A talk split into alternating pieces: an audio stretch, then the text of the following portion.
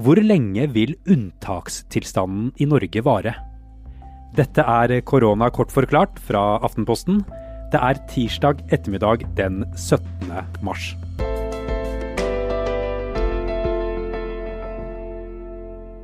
I dag offentliggjorde Nav ferske tall om det som har skjedd i Norge under koronakrisen.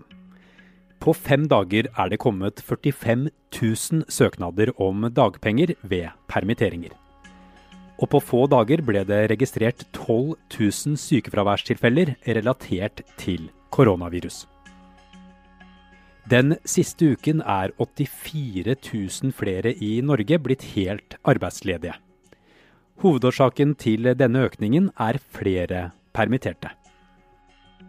I Sverige anbefaler regjeringen nå stenging av videregående skoler, høyskoler og universiteter.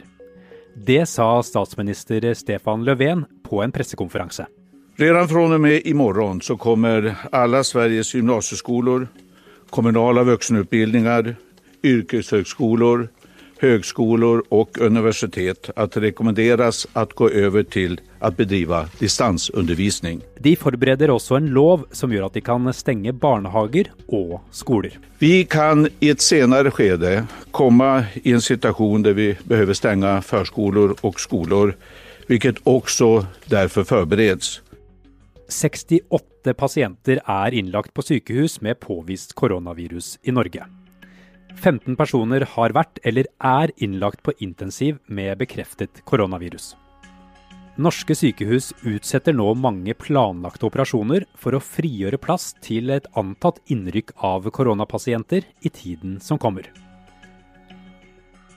Samtidig sliter sykehusene landet rundt med at ansatte er hjemme. Bare i Helse Sør-Øst er flere enn 4000 ansatte i karantene pga. fare for koronasmitte. I dag ble det også klart at sommerens EM i fotball for menn flyttes til 2021 pga. koronapandemien. Mesterskapet skal spilles fra 11.6 til 11.7 neste sommer. I Norge er det nå stengte skoler, barnehager og universiteter. Mange er i karantene, arbeidsplasser er stengt ned og arrangementer er avlyst. Konsekvensene ble store da regjeringen i forrige uke innførte de strengeste og mest inngripende tiltakene som er sett i Norge i fredstid. Kjære alle sammen.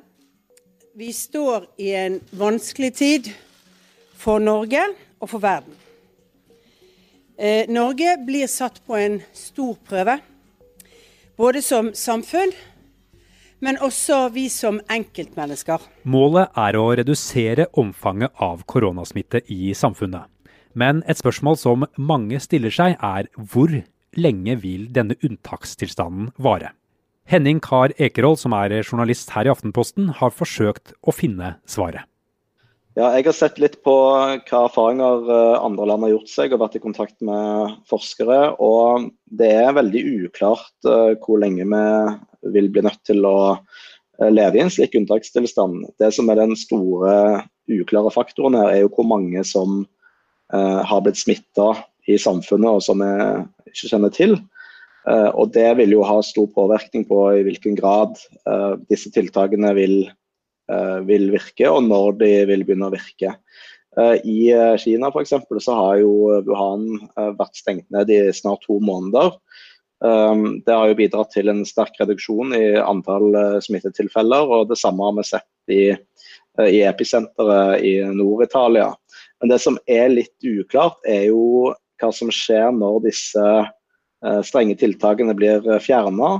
Um, enkelte forskere har jo poengtert at det kan da komme et nytt utbrudd.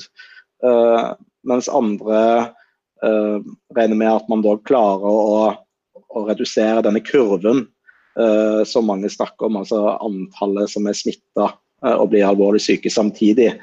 Uh, og følgelig da gir helsetjenesten utfordringer.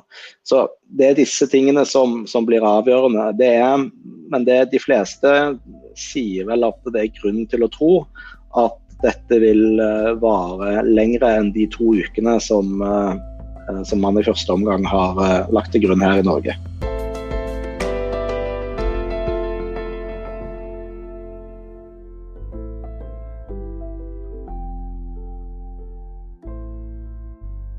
Det her var Korona kort forklart, som er en ekstraoppdatering hver ettermiddag om koronakrisen. Dybde og analyser får du som vanlig i våre kvarterlange morgenepisoder av podkasten Forklart. Mitt navn er Andreas Bakke Foss.